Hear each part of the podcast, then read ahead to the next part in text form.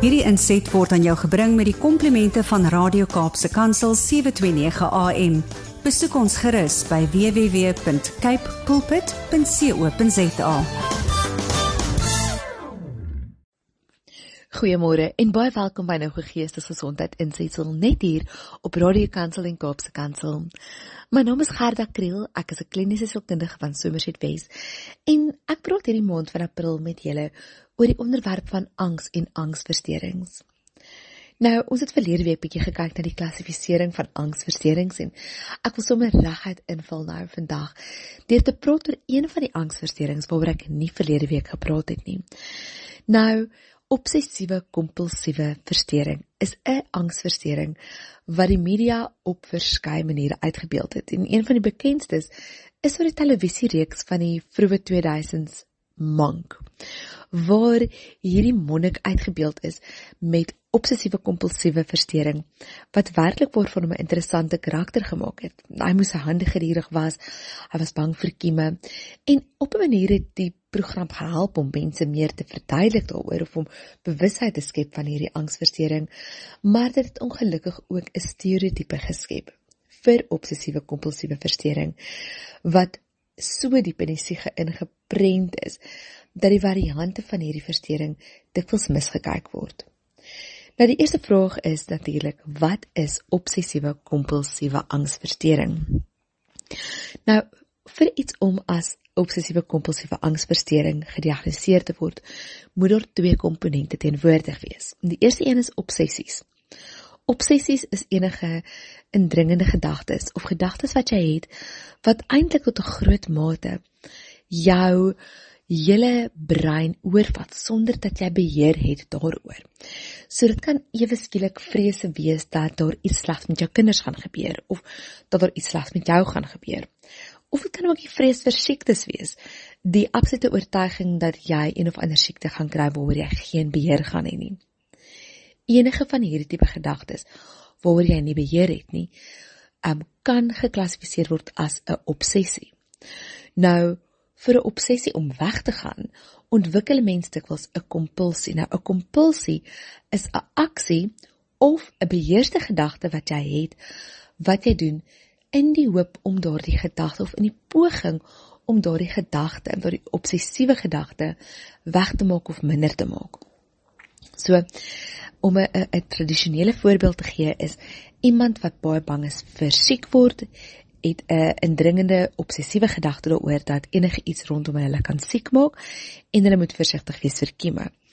Daarom het hulle die kompulsie om oor en oor en oor hande te was of die kompulsie om hulle huis aanhoudend skoon te maak in 'n poging om virusse en siektes af te weer. Nou, ek gaan eerlik wees, tydens COVID-19, ag COVID-19 en die daaropvolgende jare, die afgelope 2-3 jaar, het ek werklike toename van hierdie tipe obsessiewe kompulsiewe gedrag en verstoring in my praktyk gesien. En werklik gesien hoe die vrees vir dood gaan by baie mense so realiteit geword het dat hulle baie interessante dinge gedoen het om te probeer het om gesond te bly tydens COVID en in sommige gevalle nog nie suksesvol in staat was om weer hulle lewens terug te eien en 'n lewe van normaliteit te lei nie. So dit is werklike verstoring wat verrekkende gevolge het.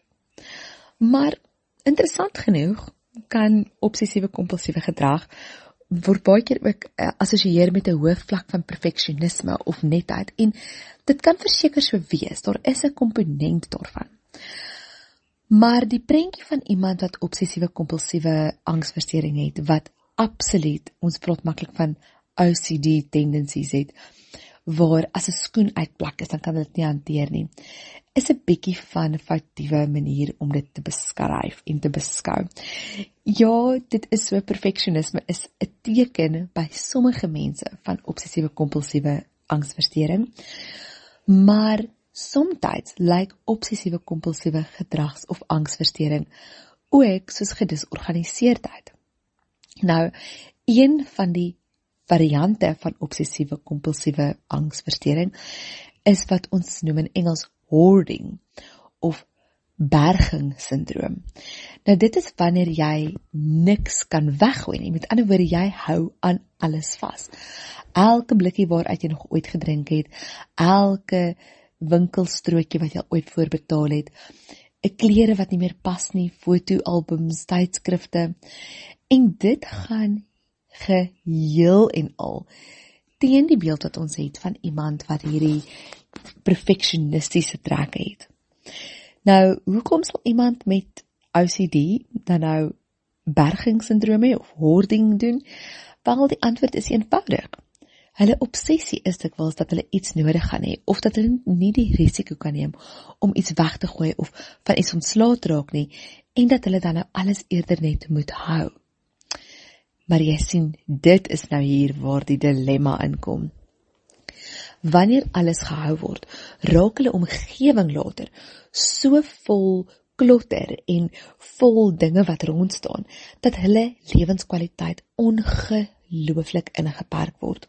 So alhoewel die berging van 'n spesifieke item tydelik hulle angs verlig in die vrees dat hulle dalk ietsie gaan verloor of dat hulle ietsie weer gaan nodig hê, werk dit in teen hulle omdat daar bewyse is en navorsingsbewyse is dat klatter dinge wat rond staan, jou plek vol maak, lei tot 'n verhoging van die ervaring van angs en rusteloosheid.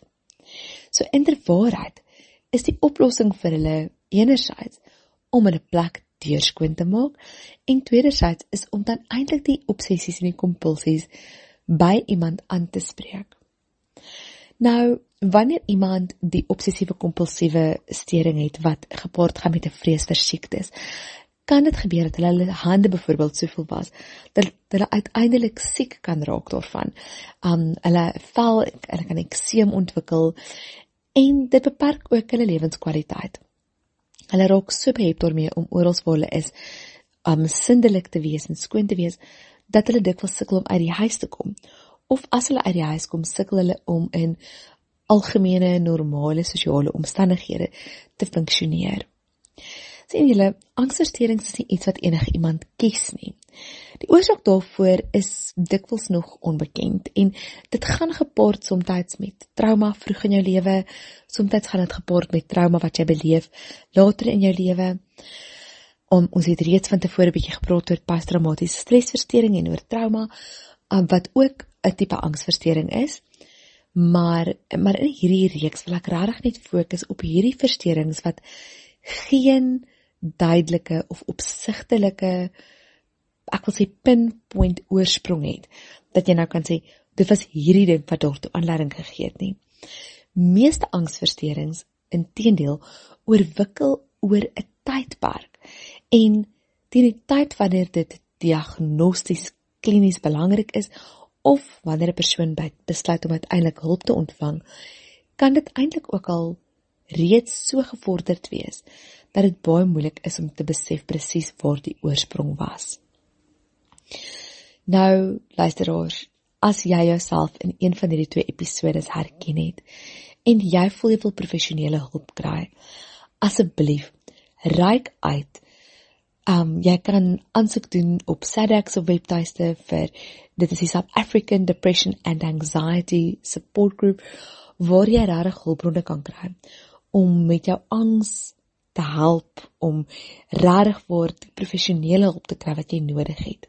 Ons gaan volgende week meer praat oor die tipe behandeling wat beskikbaar is vir angsversteurings en ook hoe dit 'n geïndividualiseerde proses is wat jy eintlik moet volg om die beste optimale behandeling vir jouself te kry. Mag jy werklik waar vryheid beleef in hierdie kennis en mag jy weet dat jy nie alleen is nie. En soos ek sê as jy jouself identifiseer dit hier, weet daar is hoop. Daar is altyd hoop om beter en gesond te word. Mag julle 'n geseënde week hê.